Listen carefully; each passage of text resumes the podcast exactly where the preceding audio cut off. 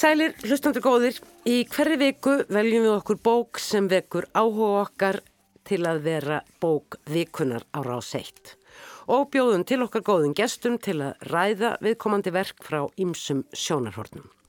Bókin sem í dag hefur orði fyrir valinu er markverlunuð, fekk bókmyndavelun starfsfólks bókavestlana í flokki ungmennabóka og var tilnæmt til íslensku bókmyndavelununa árið 2018 og fekk svo barnabókavelun Reykjavíkuborgar árið 2019. Þetta er skáltsagan Ljónið eftir Hildi Knudstóttur. Allt í allt hefur Hildur Knudstóttir sendt frá sér einar tíu bækur og einbeitt sér að bókum fyrir börn og ungmenni og koma framandi heimar, furður og eða framtíðar markaðar aðstæður oft við sögu í verkum hennar. Meðal fyrir bóka Hildar eru sláttur, tvíleikurinn vetrar frí og vetrar hörkur og Þá hefur Hildur sendt frá sér eina ljóðabók, orðskýringar og skrifað tvær bækur um úlingstrákin Dotta í samvinni við Þordísi Gísladóttur. Og fyrir sitt hvað af þessu hefur hún fengið Ímis Verlun, Íslensku bókmyndaverlunum hún fyrir vetrarhörkur árið 2017 og fjöruverlunum fyrir vetrar frí árið 2016. Ljónið er að sumuleiti ólík fyrri skáldsögum Hildar. Þetta er mikil skáltsaga, mjög raunsæðisleg öðrum þræði og gerist í samtímanum í miðri Reykjavík. Í frásagna miðju er úlingstúlkan Kristín, allægjarna kalluð Kríja sem er nýflutt frá Akureyri þar sem hún hefur lendi erfiðu málum með skólafélagum sínum ef ekki beinlinis glæpsamlegu aðtæði.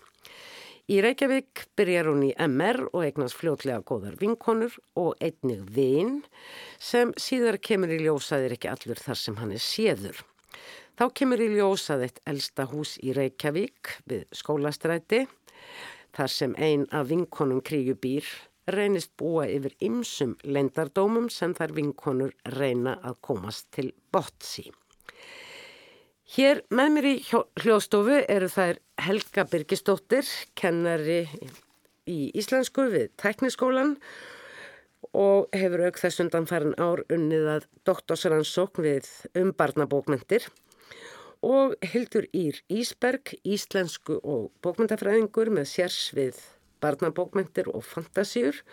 Hildur Ír er líka íslensku kennari en við MH og hefur líka rannsakað barnabókmyndir. Velkomnar báðar tvær. Takk fyrir. Takk.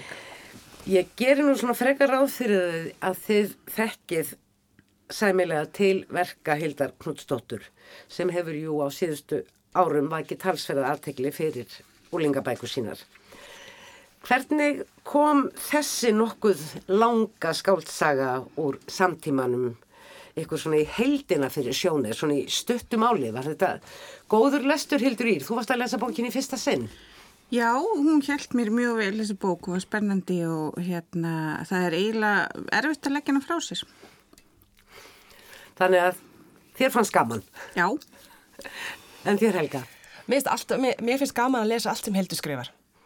Og hérna ég held að fyrsta sem ég hafa lesið eftir henni hafi verið blogg svona í, í gamla gamla daga. Mm -hmm tískublokkið svo kallaða sem er alveg óra fjarlæð frá, frá þessari bók, frá mm. ljóninu sem er líka alltaf sem allar hinabækuna sem hún hefur skrifað. Ég held að það sé ekki nema sko hvað 2011 eh, sem hún sendi frá sér sína fyrstu bók þannig að þetta er ekkit langur tíma, þetta eru marga bækur. Já og ég held með þess að fyrsta bókirina, ef ég líð ekki og ég gera stundum óvart, hafi verið bókin Holla Loves sem var sem var byggð á þessu fína tískublokki Aha. sem að hérna, mér finnst allir, allir ætti að skoða. Já, Já. ég vissi ekki um það, það Nei, en, en ég hafði ofsalega gaman á ljóninu. Mér, hérna, ég er mjög svag fyrir svona dramatískum úlingastúlku bókum og hérna það vantaði bara svona eitt góðan óleglandi sjúkdóm. Þá hefði þetta verið úlingafantasía mín gjörsamlega. Og þegar ég sé svona doðrand að þá ljóma ég öll. Mm en, bó, og bókin held mér algjörlega allan tíman.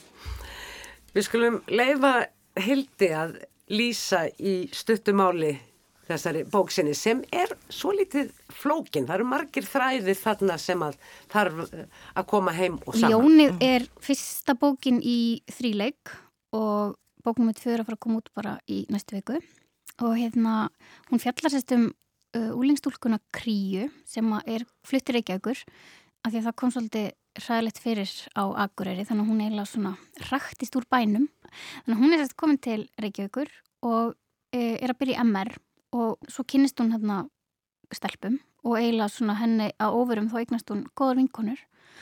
Og svo besta heitir Elisabeth Snæholm Torstensen og er um svona mjög fínum Reykjavíkur ættum og hún er með tvö ættanöfn og hún býr í einu af elsta húsinu í Reykjavík sem er alveg hús í skólastræti og þar finnur Elisabeth einn daginn faldan skáp sem einhver hefur mála yfir bara eins og hann hefur verið falinn. Og inn í því er skrín og það er mynd af stúlku sem er tekinn fyrir utan húsið. Og Elisabeth kemst að því að þetta er sérst ömmisistrinnar sem að hvar sporlist þegar hún var úlingur um, árið 1938 og enginn í fjölskyldinni talar um og það er bara látið eins og hún aldrei verið til. Og þannig að þær ákveða að komast til bossi því hvað kom fyrir Silvíu Snæholm. Mér langaði svona að fjalla svolítið um sko úlingsárin og svona mentaskóla tíman að því það er einhvern veginn, þetta er svona sá tím í lífinu þegar allir mögulegur eru opnir og á þessum árum fyrir við að einhvern veginn loka dýrum svolítið og ákveða hvað leir við ætlum að fara. Þetta er svona árin sem við erum að ákveða hvernig manneskjur við ætlum að verða og mér finnst þetta að þetta er svo spennandi tími fannst mér að lifa, maður fannst þess að maður geti bara allt og allt stæði opið en maður það líka að velja. Svo er þetta líka tími þar sem að vinir manns fara að skipta miklu meira máli heldur en fjölskyldan. Þetta er svona pínu ástaróður til bara úlingstúlkna vinkvenna sambanda því þau eru mjög svona hlaðin. Já, við byrjum kannski þessa samræðu okkar um bókina, um þessa umgjörð sem að uh, má segja utanum þessa þræði sem að nefndir uh, hafa verið. Mm. Þetta með leindardómið í, í húsinu í skólastræti og, og ég myndist líka á þennan unga mann og mm. svo málið á Akureyri. Mm. En þarna í byrjun, við göngum inn í söguna inn í þetta mentaskóla líf. Uh, það þarf að stunda námið og standa sér í félagslífinu og finna sér sæta stráka, þar að segja stelpunar, helst eldri og þið þekki nú mentaskóla líf ágætlega bæði af eigin raun og væntalega svipuðum tíma og, og höfundurinn hildur sjálf og svo er þau jú báðar uh, kennarar. Það er greinilegt af þessari bók til dæmis að það er búið að steita framhaldsskólan, það er komið til framkvæmda. Það er byrjað í fjórðabekk í MR Jújú, jú, það, það er alveg, alveg augljóst og það er læra líka óskaplega mikið heima. Það eru mjög samviskusamir. Mjög. Mjög samviskusamri nefendur. Kanski eru emmeringar svona samviskusamri en, en aðri nefendur? Mögulega. það getur verið. En mér finnst líka bara andrumsloftið í sögunni. Mér finnst hún náði svo vel.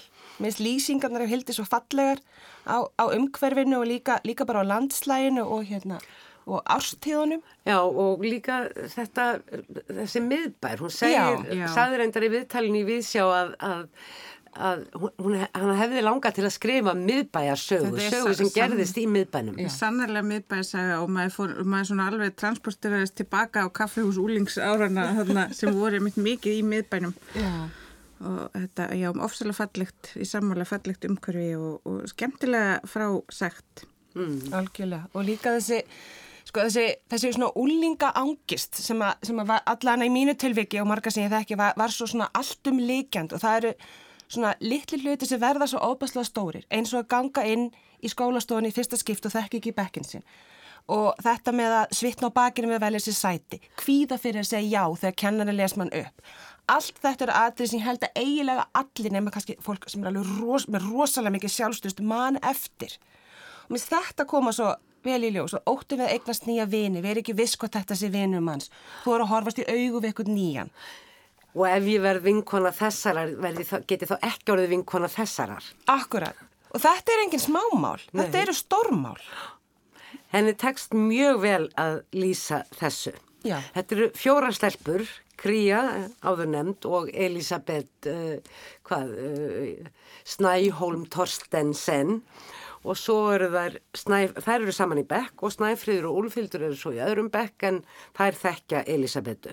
Þetta eru rosalega vel lukkaða stelpur allar, ekki satt. Afskaplega og það, það eru fallegustu samböndin í þessum bókum eru vinkonusamböndin og það er svo Mm. gaman að sjá það að þó það sé mikið talað um ástamál að þá eh, sem sagt, hverfist bókin utanum þessi vinkonu sambönd sem eru ofsalega falli og í takt við úlinga í dag allavega með við það sem ég heyri e, tvítuðu dóttur mína og, og hennar vinkonur, sem er náttúrulega tildulega nýbúinur með mentaskólan, þegar ég heyri á þeirra tal þá er þetta svolítið þeirra lingó með sko, já þú berð ekki ábyrð á því þó hann komi svona fram og, og þetta allt saman. Að það var Já, við komum með mitt kannski að því síðar þetta með ábyrðina á, á, og sektarkendina og ímislegt ymsar fleiri stórar tilfinningar sem þarna koma upp. En svona í þessum grunni þetta, uh, uh, sko, Hildur er greinilega að hún, hún ætla sér að fjalla um ákveðin mál. -hmm. Og kannski getum við kannski fullt eins byrjaðu þeim. Hún ætlar að fjalla um tröst Hún ætlar að fjalla um ábyrð, um sektarkend, hún ætlar að fjalla um, um uh, samskipti kynjana uh, en hún ætlar til dæmis uh, og, að, og loftslagsmál ber svona á góma, þannig já. kannski ekki við öðra búast hjá manneski eins og Hildi Knútsdóttur sem að hefur látið þau mál mjög til sín taka en hún ætlar til dæmis ekki kannski að endilega fjalla um stjætskiptingu. Nei, nei, en, en það er þetta alveg nóg. Svo taldir þetta er vissulega, bara feik, feiki nóg af málefnum og hún, gerir þetta vel, finnst mér. Mér veist, það, það er nú óþar að bæta við. Er það Já, jú, það er óþur að bæta við jú, mikil ósköp Já. Það er hafa það allar svona óskup ágætt uh, í, á sínum stað í samfélaginu og þeirra fjölskyldu Já, alg, algjörlega. að það- þér virðist. Elisabeth virðist vera svona best settað um öllum en, en hinn er svo sem lepi ekki dauðan og skel er búið allir, allir í fín, fínum húsum og sumarlæri og fín, fín eldgumi hljóðfæri og hérna fóröldarnir eru arkitektar og verkfræðingar og hitt og þetta. Þetta er svona mentuð efri millistjætt sem við erum þarna í, í félagskap við. Algjörlega, algjörlega. Og reyndar á, uh, er, er þarna líka ein uh, persóna, amma hennar uh, kríu og hún mann nú tíman að tvenna.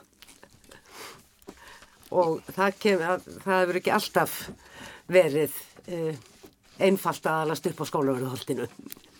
Já, öruglega ekki, en, en það er svo sem ekkert gert úr því í rauninni, það, það klagar svo sem ekkert upp á kríu og stelpunnar eða málefni bókarinnar þá nokkuð. Nei, það, sagt, og þetta er svona einn, að það eru nokkru þræðir í bókinu sem að falla, renna svolítið út og þetta er einn af þeim. Það er ekki rannsakað mjög mikið hvernig þetta líf hafi verið eða hvernig hún, sagt, hvernig líf mömmu kríu Mm. var. sem Já, að, sem þegar hún var alast upp. Já, eða hver sagt, afinn er og hvernig hann kom svo svona alls konar þarna sem hefði en eins og Helga segir það er kannski óþarfi að bæta byggja endalust og ná Bókin er rúmlega 400 ég blaðsíður segi það, Já. maður kannski eftir ekki að vera að og byggja um meira þær personur sem eru í brennidepli, að það eru náttúrulega personur eins og þær eru á þeim tíma sem sagan gerist. Við Já. kynnumst ömmunni sem svona svolítið myrkri personu.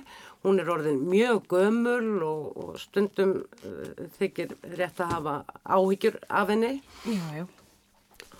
og uh, við ættum kannski að heyra núna stutt brot úr uh, bókinni sjálfri.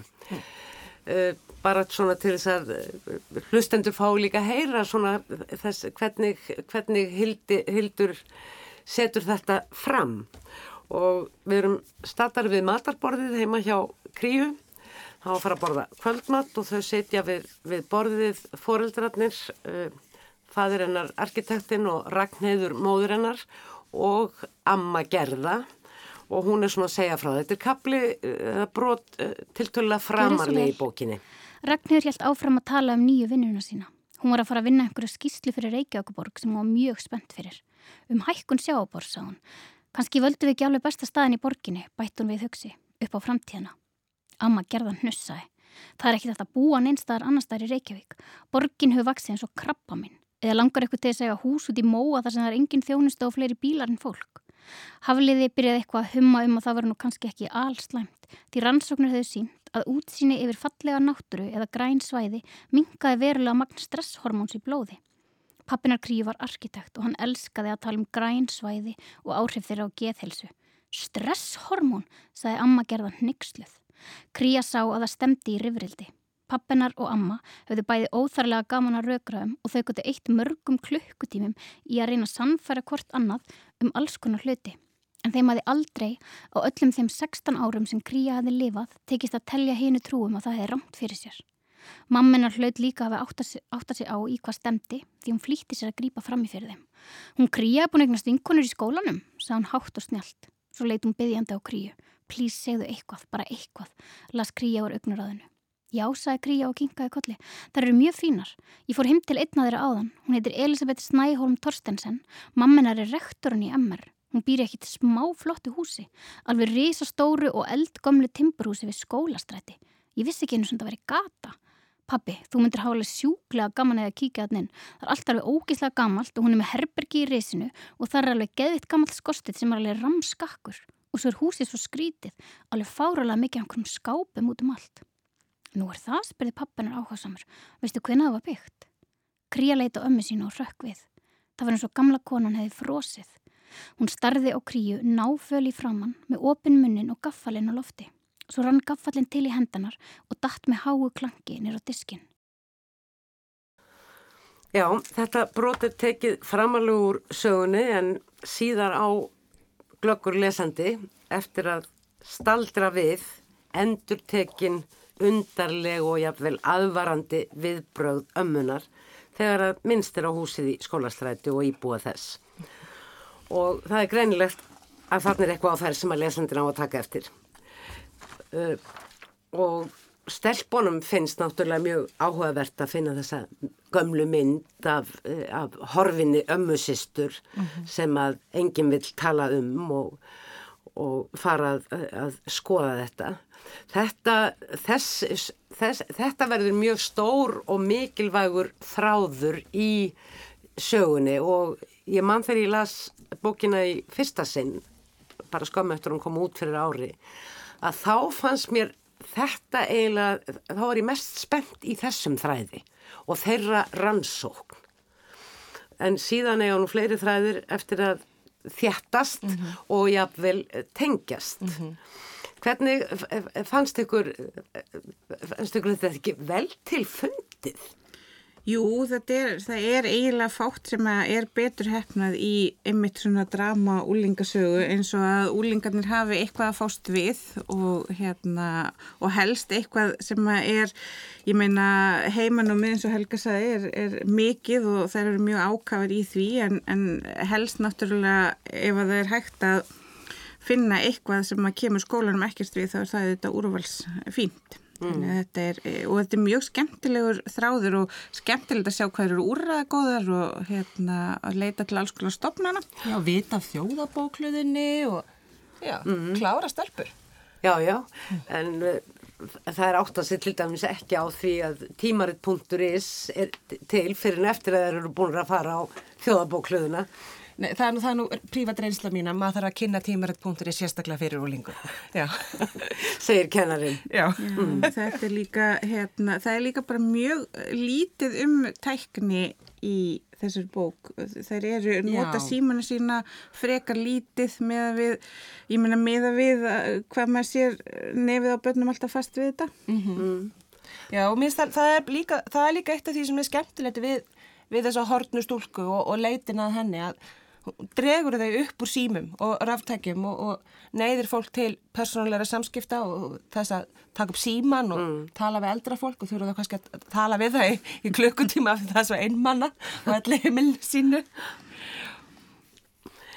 En símannir eru samt sko algjörlega fyrir hendi. Já. Já, það verða allir að vera á Facebook, mm. uh, í MR, því annars er maður bara ekkert með í félagslífinu og það eru teknar myndir og myndir í síma geta skipt sköpum jafnvel fyrir beigjur í sögunni.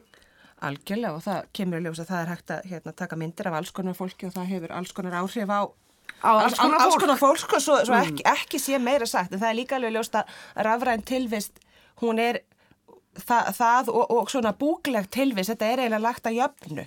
Maður verður að vera til á öllum miðlum. Já, akkurat. Algjörlega. Mm. Um, uh, Hildur sagði í þessu viðtali að, uh, að húsið í skólastræti, þetta er alveg ákveð hús sem að uh, var einhvern tíman auglist til sölu og hún uh, skoðaði myndir af því og varð hugfangin og eiginlega varð sem sagt þessi ráðgáta eða musterían til allra fyrst var fyrsta kveikjan af þessari bók. Var mm -hmm. þetta hús og að þar gæti ímislegt gerst. Og, uh, og eins og ég saði upphafi að uh, þessi bók hún verðist uh, svo raunsæðisleg og ég man að ég var hissa þegar ég lasa hana hvað hún var raunsæðisleg með við fyrri bækur hildar en uh, síðan kemur náttúrulega misterían má segja með fullu trykki inn. Skulum aðeins heyra hvað Hildur segir um það. Mm -hmm. Í rauninni er þetta svona fantasía í duglagerfi af því að þetta er fantasía en það kannski kemur ekki alveg fram fyrir þarna alveg til lokin. Ég kalla þetta misteríu, svona, ég veit ekki alveg hvað gott orð á íslensku yfir þetta, svona ráðgátubók í rauninni. Já, þannig að þetta er rauninni svona ráðgáta sem að allir halda eigi sér eitthvað eða skýringar sem á sér svo í rauninni yfir náttúrulegar. Ráðgáttan um Silvíu Holm mm -hmm. sem að þær leggja svona mikið í að rannsaka fara á þjóðskjálasafnið og borgarskjálasafn og, og, og verða sér út um hérna, bekkarlista úr miðbæðiskólanum á fjórða áratu síðustu aldar og svo framvegis. Það er alls ekkit eina ráðgáttan í þessari bók því í einu af fyrstu partíunum sem að hinn stóra ættaða Elisabeth heldur í skólastrætinu þá kynnist uh, Kríja Strák sem er hrikalega sætur og áhugaverður og það kemur einhvern veginn í ljósa hann heitir Davíð eða segist heita það. Og það einhvern veginn ægslast það síðan í framhaldinu þannig að þau fara að hittast. En þau eru þá yfirleitt alltaf einn fyrir utan að þetta í síðasta skipti sem þau hittast. Og uh, þetta verður mjög mikilsvert samband fyrir kríu, ekki aðeins á hún með þessum pilti sína fyrstu kynlífsreynslu heldur er hann líka sá sem að, uh, sem að uh, hún treystir til að treystir sér til að segja frá því sem að uh, gerðist á Akureyri og þetta er, þetta er, þetta er mjög flókið samband og að því við vorum að tala um mm. síma að það er svona ímislegt í tekstanum sem að sem að vekur manni einhvers konar ég segi ekki óhug mm. en allavega hana forvitni um byttu nú við hver hvað hvers konar margar uh, óhugulega myndir á Davíð. Sérstaklega hann kemur á gluggan hjá henni föllt andlit á glugg bóka svona, þjóðsagan. í já. þjóðsögum, það er, það er flassaðin í syllingsögur aðeins. Mm -hmm. uh, það, já, það er margar svona og það er kynnað mjög undir eftir því sem á líður á söguna. Sérstaklega í setni hlutunum undir það að hann lesandin áttar sig á því sem Kríja gerir ekki hann er eftirlulega ekki allur þar sem hann er síður Já og það er líka svona lýsinga bara strax á hann um hvað hann er fölur, fölur kaldur, svart augur, lyktin af hann það glittir, glittir í hvað oddkast þegar hann þegar hún er sínist tennunar hann að vera eins og í vampýru Já, já. og ég hugsaði strax ég er við komið aðra glimmervampýru eins og í Twilight mm. þið viti en, hérna, en, og, og strákastús er bara stór mál. Og það er heilmikið um strákastús þarna. Og, og, og þetta er nú Davíð já, þetta, ég, ég hef ekkert svona kærasta Ekki heldur. Nei. Nei. Og sko, það, lí... það, já, það er kannski sko, ég aukvitaði við lestur þessara bókar að mamman í mér er tekin yfir sem lesandi af úlingnum. Já. Vegna þess að ég var, held, ég held svo mikið með hínum kærastanum. Já, ég auðmingja byrkir. Já. Já, ég tók andköf þegar hérna mm. í svona, nú vil maður ekki segja á mikið, en svona ég átaka legustu, legustu köplunum. Já. Ég gæt valla lesið síðurnar, ég vissi hvað var að fara að gerast. Mm. Elsku kalli. Yeah. En samt er þessi, um leiðar þú, þú talaður um að, að þetta væri svona, þetta teng, væri þarna vísanir til þjóðsagna og, og ákveðna tegundar hryllingssagna mm. og, og, og svoleiðis, en mér fannst þetta líka bara mjög sterk vísun til bara klassískra ostarsagna mm -hmm. hvernig svona þeirra samband þró, þróast. Hann er myndalegur og lindadómsfullu veit allt, kemst vel að orði. Hún er spennt, óörug býður og býður mm -hmm. hvort hann komi lættir hann komast upp með ymsa skriktna hluti eins og til dæmis að segja ekki hvað hann er heima eða vil ekki gefa upp símanúmeri sitt. Þannig að það eh, sko renna í stríðum ströymum grímurnar yfir lesandan. Já og, og hreinlega ótrúlegt að svona skýr stúlka sem, sem gengur svona voðalega vel í skóla að, hérna, að hún skuli er ekki átt að segja á þessu að maður sem gefur ekki upp símanúmeri sitt eða er ekki á Facebook að Skýra stúlkur vilja mjög eh, ógjarnan trúa eh, einhverju ljótu upp og sæta stráka, það er nú mm. þekkt minni. Já, al algjörlega sko, já, já, já, já, já. En hún svo sem uh, uh, opimberar ímis uh, undarlega heit í fari Davís mm. gagvart vinkonu sinni og, og segist ekki vita hvort hún geti tristunum og svo framvegis og fær við það tækifæri sagt, langa ræðu frá Elisabetu um mikilvægi tröst almennt í lífinu. Þetta, þessi bók fjallar svolítið um tröst Elisabeth tala stundum eins og velþjálfaði sálfræðingur og hvernig líður þér með það? Finnst þér það nóg og, og alls konar svona end, speklar tilfinningar kríu og reynir hann til að mm. og færa hann til þess að horfast í augu við það er mjög skemmtilegt. Já og kríu gerir það svo sem líka við Elisabeth. Já það, Já. það er Já. þessi, þessi sambund mm. og það eru eins og ég segi mjög nútímalegar í þessu. Já og það er tala heilmikið um, sko, um það að stelpur megi hafa tilfinningar og, lang, og langanur og það er megi líka stjórnaferðinni strákar er ekki ráða Megi vilja sofa, uh, sofa hjá já, og, já. Og, og, og segja það Já og líka bara að strákar er ekki ráða því hvort stelpur fara á böll eða fara á kaffihús eða, og það, það sé alltaf læg að byrja með þessum eða hætta með hinnum maður þurfa ekki skamma sín fyrir að sofa hjá strákum mm. eða langa til að sofa hjá strákum Nei Fe Feministin uh, Hildur Knútsdóttir, höfundur þessara bókar hún hún er trú sjálfrið sér í, í, í þessum teksta uh -huh. og uh, það er greinlegt að Me Too er ekki farað að stað þegar þessi bók er skrifuð en druslugöngurnar eru þarna Já. og svo orðræða er, er, uh, er nokkuð uh, augljós. -huh. Mhm. Mér finnst þetta líka bara að vera sagt, mjög í takt við það sem er að gerast hjá stúlkum úlingstúlkum í dag, þær eru miklu meðvitaðri en mm. ég minna ég. Já, já miklu með Já, almatur, öruglega Ég meina að ég þegar ég var úlingur ég er nú ágætla með auðvitað kannski núna Já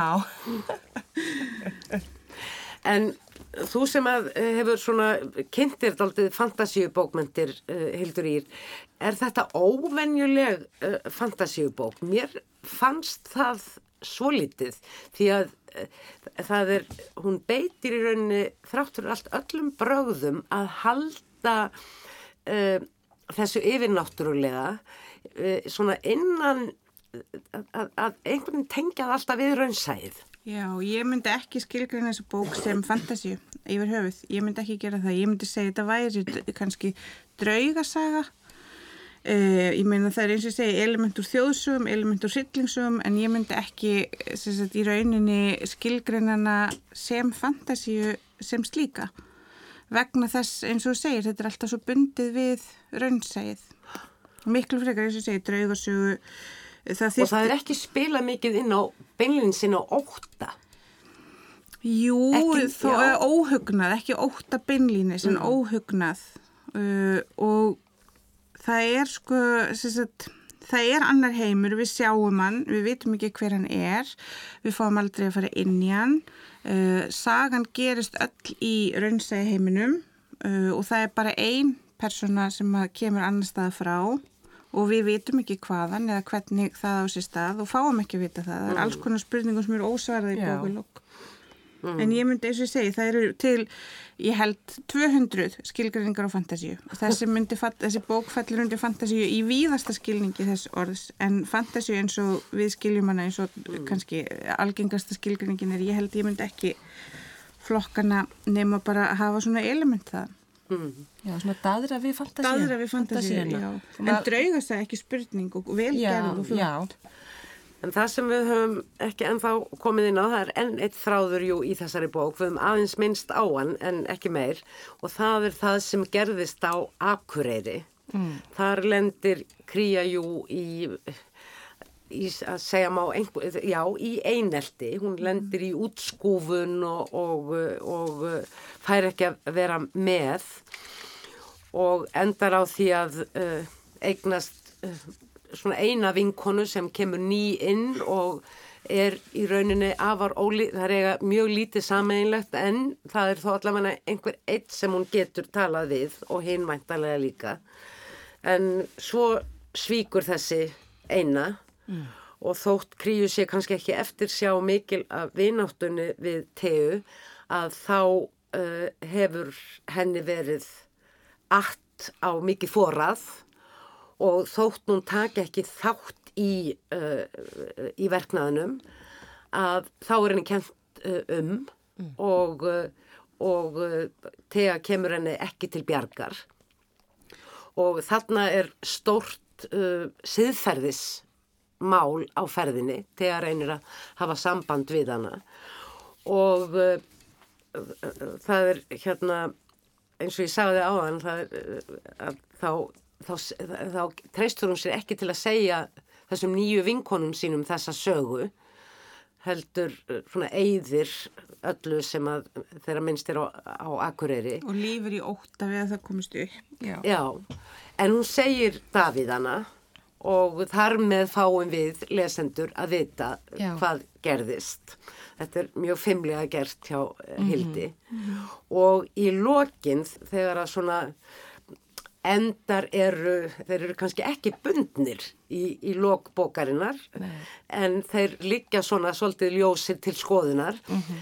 að þá fannst mér svo augljóst, sérstaklega þegar ég las bókinni í setnaskiptið, hvað sem sagt málið á Akureyri og málið sem að hérna amman tengir skólastrætinu ámart sameilegt. Mm -hmm. Fjallar í bæðiskiptin um það að segja ekki það sem aður veit, segja ekki sannleikan, heldur þeia Já. og allt fer á vestaveg. Mér finnst eiginlega ákveðum bró, brotalum í því uh, að henni hefur verið útskofað árum saman uh, hvar eru afleðingarnir af því? Hún nær samt sem áður og fyrir nýjan skóla og dettur inn í nýjar vinattur og bara nánast eins og ekkert sé. Mm. Það er eins og hún fari ekkert með bakkana norðan með Nei, sér. Nei, ég er eins og ná einhvern veginn að skilja þér eftir og það er eiginlega, ég velti, ég velti því fyrir mér og meðan ég var að lesa, mm. að, um, af hverju er hún ekki brotnari? Sem er kannski skrítin krafa á aðalpersonu bókar en já, þetta er náttúrulega og þetta er vand með farið að skrifa um einelti og hérna og þetta er ofsalega og það er í rauninni ekki það sem bókin kannski fjallar um Nei. heldur er það svona forsendan fyrir því sem gerðist á, á, á Akureyri og Já, það er sant það sem gerist á Akureyri er, er að hún er, hún er visslega lögð í einhvers konar einelti en áður en það á sér í raunista þá er hún eiginlega ósýnileg í Já, skólanum. Hún er útskúið. Já, mm. hún, fólk sér hann ekki, fólk talar ekki við hana, hún á ekki vini, hún, hún er einn og minnst þessi einmannalegi og þetta að vera svona einn Þetta finnst mér alveg ofsalega brínt málefni yfir höfu fyrir úlinga í dag, mm -hmm. bara börn og úlinga. Mm. Og hvað úlingar og börn eru mikið einn, hvað þau mm. eru oft einmanna, hvað viðnátt er dýrmætt og hvað mm. þarf að hlúa að þessum mm. hlutum og þóttu, jú, hún kemur ótrúlega heil út úr þessu og er, er hérna, og það verðist þannig sé lítið hamlenni í Reykjavík, en þetta er svona, þetta er málefni... Þetta er undirliggjandi. Já, já, já. Og hún hefur alltaf áhyggjur af því að það er muni snúa við sér bakinu. Hún hefur svolítið áhyggjur af því, já. Og þetta er eitthvað sem mjög margir úlingar hafa áhyggjur af og upplifa hún jafna sér samt alveg ótrúlega hrætt þegar Já. hún hittir svo tegu aftur þá er, hún, þá er hún alveg í lukkunar velstandi en hún er samt ekki tilbúin í rauninni til að stíga skrefi til fulls og segja ég fyrir ekki að þér Nei, Nei. Nei. ekki þess að vænta kannski Nei, kannski óþarfi En, en þetta er aldrei, sko, f- já, ég, ég nota orðið fimmlegt. Mm. Þetta er svo fimmlega gert hjá Hildi. Bæði þessi speglun sem ég myndist á með að segja ekki sannleikan og segja ekki það sem maður veit og þegja af því að maður kennir sér um eitthvað sem er kannski ekkert manni sjálfum að kenna í tilfelli ömmunar og, og, og uh, kríu.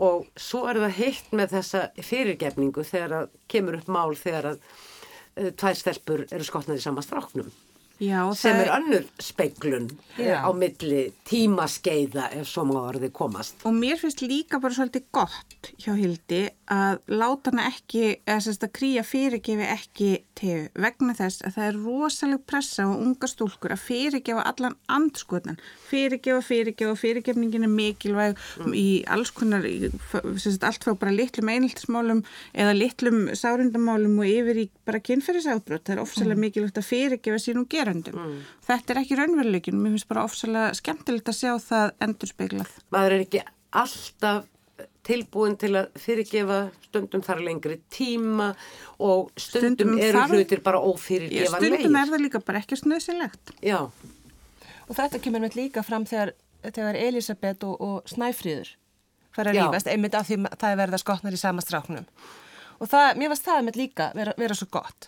Að það var ekkert nóg að segja bara, æ, sorry. mm. Það þurfti meira til og það tók tíma og, og það kom fram í sögunni og henni tekst mjög vel upp að fjalla um þessi vináttusambönd. Þetta er mjög velgerð hjá henni. mjög vel gert og þessi saga Snæfríðar og uh, Elisabetar og þær er eiginlega talast ekki við lungan og bókinu Já, sem að er svona ákveðin áþján fyrir þetta, þetta, samband þessa kvartets. Já, og það er hérna, og það er líka bara að það er alls konar umræður um þetta og einhvern veginn á allar hliðar í fyrirhysningnum nema á milli náttúrulega Snæfriðar og Elisabethar og það er einmitt uh, gott, skemmtilegt hvernig það er sínt, uh, hvernig átökin eru sínt án þess að það verði nokkuð tíman tíkarlegar. já. Þær eru mjög vel lukkaðar, verður alveg að segja. Já, En segiði mér þið sem að eruð mentaskóla kennarar, þessi saga gerist í mentaskóla. Er þetta bók sem er lesin, haldiði af mentaskóla krökkum eða haldiði hún sé fyrst og fremst lesin að efstubekkjum grunnskóla? Ég gæti trúið eftir bekkjum grunnskóla. Ég spurði 100 framhaldsskólanemundur í dag og það voru tveir sem höfðu lesið hana. Er nú ekki mjög hátt hlutfall. þetta er bók sem verið öruglega miklu freka til úlingstúlkna. Já, hún, er um báða- úling- hún- já. Já, er, er um úlingstelpur og hún er, hún er eftir konu og hún er svona stelpilega að sjá bókin og svo les og ég, hérna, ég efast um að margir piltar í mínum skóla hafi lesið þessa bók en hún er hins vegar þessi bók og mjög marga bækur eftir hildi hafa ratað á kjörbókalista Já, í þau framhaldsskólum. sögðu mér Já. það, hún hefði verið að kjörbókulista í fyrsta áfunga. Já, þannig Hildur er vinsæl, vinsæl þar en þetta finnst mér vera dæmi gerð En það eru auðvitað líka nýnimar, sko. þannig að. Það, það, er- sem sagt, kannski helst þá fyrsta árið sem að Já, en ég er hins vegar svolítið á þeirri línu sem að Hildur Knútsdóttir er líka að mér, mér leiðist svolítið að tala um barnabækur, úlingabækur, fullanisbækur, Já. ungmennabækur og hún, hún hefur oft rætt þetta í, bæði í, í, ræð og riti og Já, ég hún segist bara hreinlega að skrifa, skrifa þær bækur sem hún vilji skrifa en Já. hugsi ekki um Já, sem hún- aldur eða áhrif. Já, og þetta hafa margir höfundar sagt, aðrir, mér Kristín Helga Gunnarsdóttir hefur líka sagt eitthvað um sína bækur að hún, hérna, hún skrif ekkert sérstaklega fyrir börn og fullt fullt af höfundum. Og svo er það auðvitað það líka að fullori fólk er í mjög auknum mæli farið að lesa svo kallar úlingabækur á þess að skammast sín. Sérst sérstaklega fyrir það eða, eða þurfa fullorðisleiri kápur utanum þær. Og þetta er bók sem, sem ég, sem bara mjög fullorðin kona, les bara stolt le, og le, leifa öllum að sjá. alveg hreint. Algjörlega. En þetta er líka, þetta er bara mjög algengt að e, titillin barnabækur sé einhvern veginn fælandi. Ég minna Mikael Ende sagði að það væri auðveldar að komast í hóp Höfundur vistra- Mómo og sögunar endalösi. Já, og það væri auðveldar að komast í hóp vistra rítuhöndum með að skrifa klám heldur en barnabækur. Eh, En það er erfitt líka að flokka svona, maður, ég, það er svona uppreisn innra með manni þegar maður lappar inn í bókabúð og sér þetta er bók fyrir stelpur á aldrinu 7 til 9 ára. Ha, hver segir það og af hverju? Og hver ákvað, já, Og hver- hver ákvað já, hver Hver, hver, hefur, hefur þau Akkur réttindi? með ekki 79 ára stelpur ákveða sjálfur hvað þau vilja lesa. Já, og má, þá- má sér 13 ára þá ekki lesa hana? Nei, það er bann. Já, bann. Það var sagt í upphafi að þetta væri fyrsta bók í þríleik og uh, það mættu nú kannski alveg að fara fáinum orðum um endan. Ég man þegar ég las þessa bók í fyrsta sinn að þá var ég eiginlega hálf, hálf fúl út í endan. Já. Mér fannst þetta einhvern veginn hverki enda og jú, svo heyrði ég að þetta væri fyrsta bók í þríleik og uh, já, þá fáum við kannski að vita meira. Mér fannst það reyndar svolítið skilt, en sama er. Þetta er svolítið eins og ljóð með, með það að maður fyrir að hugsa um títilinn í samhengi við textan. Hver, hvaða, hvaða ljón? Hva, Hver er ljónið? Hvernig er ljón í þessari bók? Þess að við fáum á, í, á endanum í rauninni ekki almennilega að vita hvers slags fyrðu vera er í þessari bók. Nei, og fyrsta svona vísunin held ég sko í titilinn er þegar Kría segist þeirra handvisum að Davíð sé ljón. Það skal með stórum staf. Já, Já, og þá, hérna, Eh, já, stjörn- já, það, er stjörnumerki, að tala um stjörnumerki. Og svo er, uh, segir, am, já, ég vil kannski ekki spilla fyrir þeim sem ekki á lesið. Hún segir nú beinilins að hans í skrimsli. Já, það er sérlega, þorði ekki alveg að segja. en já, þannig að, og ég meina ljón eru þetta skrýmsli fyrir þá sem á er ráðist. Mm. Og þessi mynd, hún kemur víðar við. Mm. Uh, einhver tíman er, þegar Davíð er horfinn, að, uh, að þá fer hún að kenna sjálfri sér um, þannig að hún aftur komið sektarkendinu og ábyrðina, að uh, þá segir Elisabeth, uh, uh, þú getur ekki kent þér um á gaselin að, að kenna sér um þegar ljónið getur hana. Já, akkurat, og það er þetta með skömmina, sko, að skila skömminni og það kemst ágætlega til skila. En ég er ekki vissum að við fáum neitt meira að vita um Davíð í næstu bók. Er. Kannski númer þrjú. Kannski númer þrjú. Að því að hérna, hvert, hvert fer hann á endanum? Því að hún upplýsti í viðtalinu í viðsjá að næsta bók fjallaði um kríu eftir, hvað, 79 ár. Já, sko ég, nef, ég fann að hugsa um það og ef fyrsta bókin heitir Ljónið og næsta heitir Nortnið þá hlýtur svo þrjið að heita Skápurinn. Er Það ekki. Það Og er, ef- ef- er sterk nærmur Já, tilvísun sjá, í- sko, sjáðu hvað ég er skýr, sko. Og ef fyrsta bókin er samtímasaga og önnu bókin er framtíðatrillir, hlýtur þá kannski ekki þriðja bókin að vera svona forsaga? Í mér dætt þetta líka í hug, það allavega er greinilega, liggur í augum uppi fyrir bókmyndafræðingana. Svo ég þetta svo æsti að lesa meira. Já. Já. Hér verðum við, víst því miður, að láta þessari spennandi samræðu um skáldsögunar Ljónið lokið. Fyrstu bóki þríleik eftir Hildi Knútsdóttur sem kom út í fyrra. Bók nr. 2 er vist alveg að koma út. Helga Birgisdóttir og Hildur Ír Ísberg. Ég hlakka ykkur kærlega fyrir þessa áhugaverðu samræðu. Ykkur hlustendur góðir þakka ég samveruna og minni á heimasíðu þáttarins rúf.is skástrygg bókvikunar í einu orði. Tæknimaður var Jón Þór Helgason, verði sæl.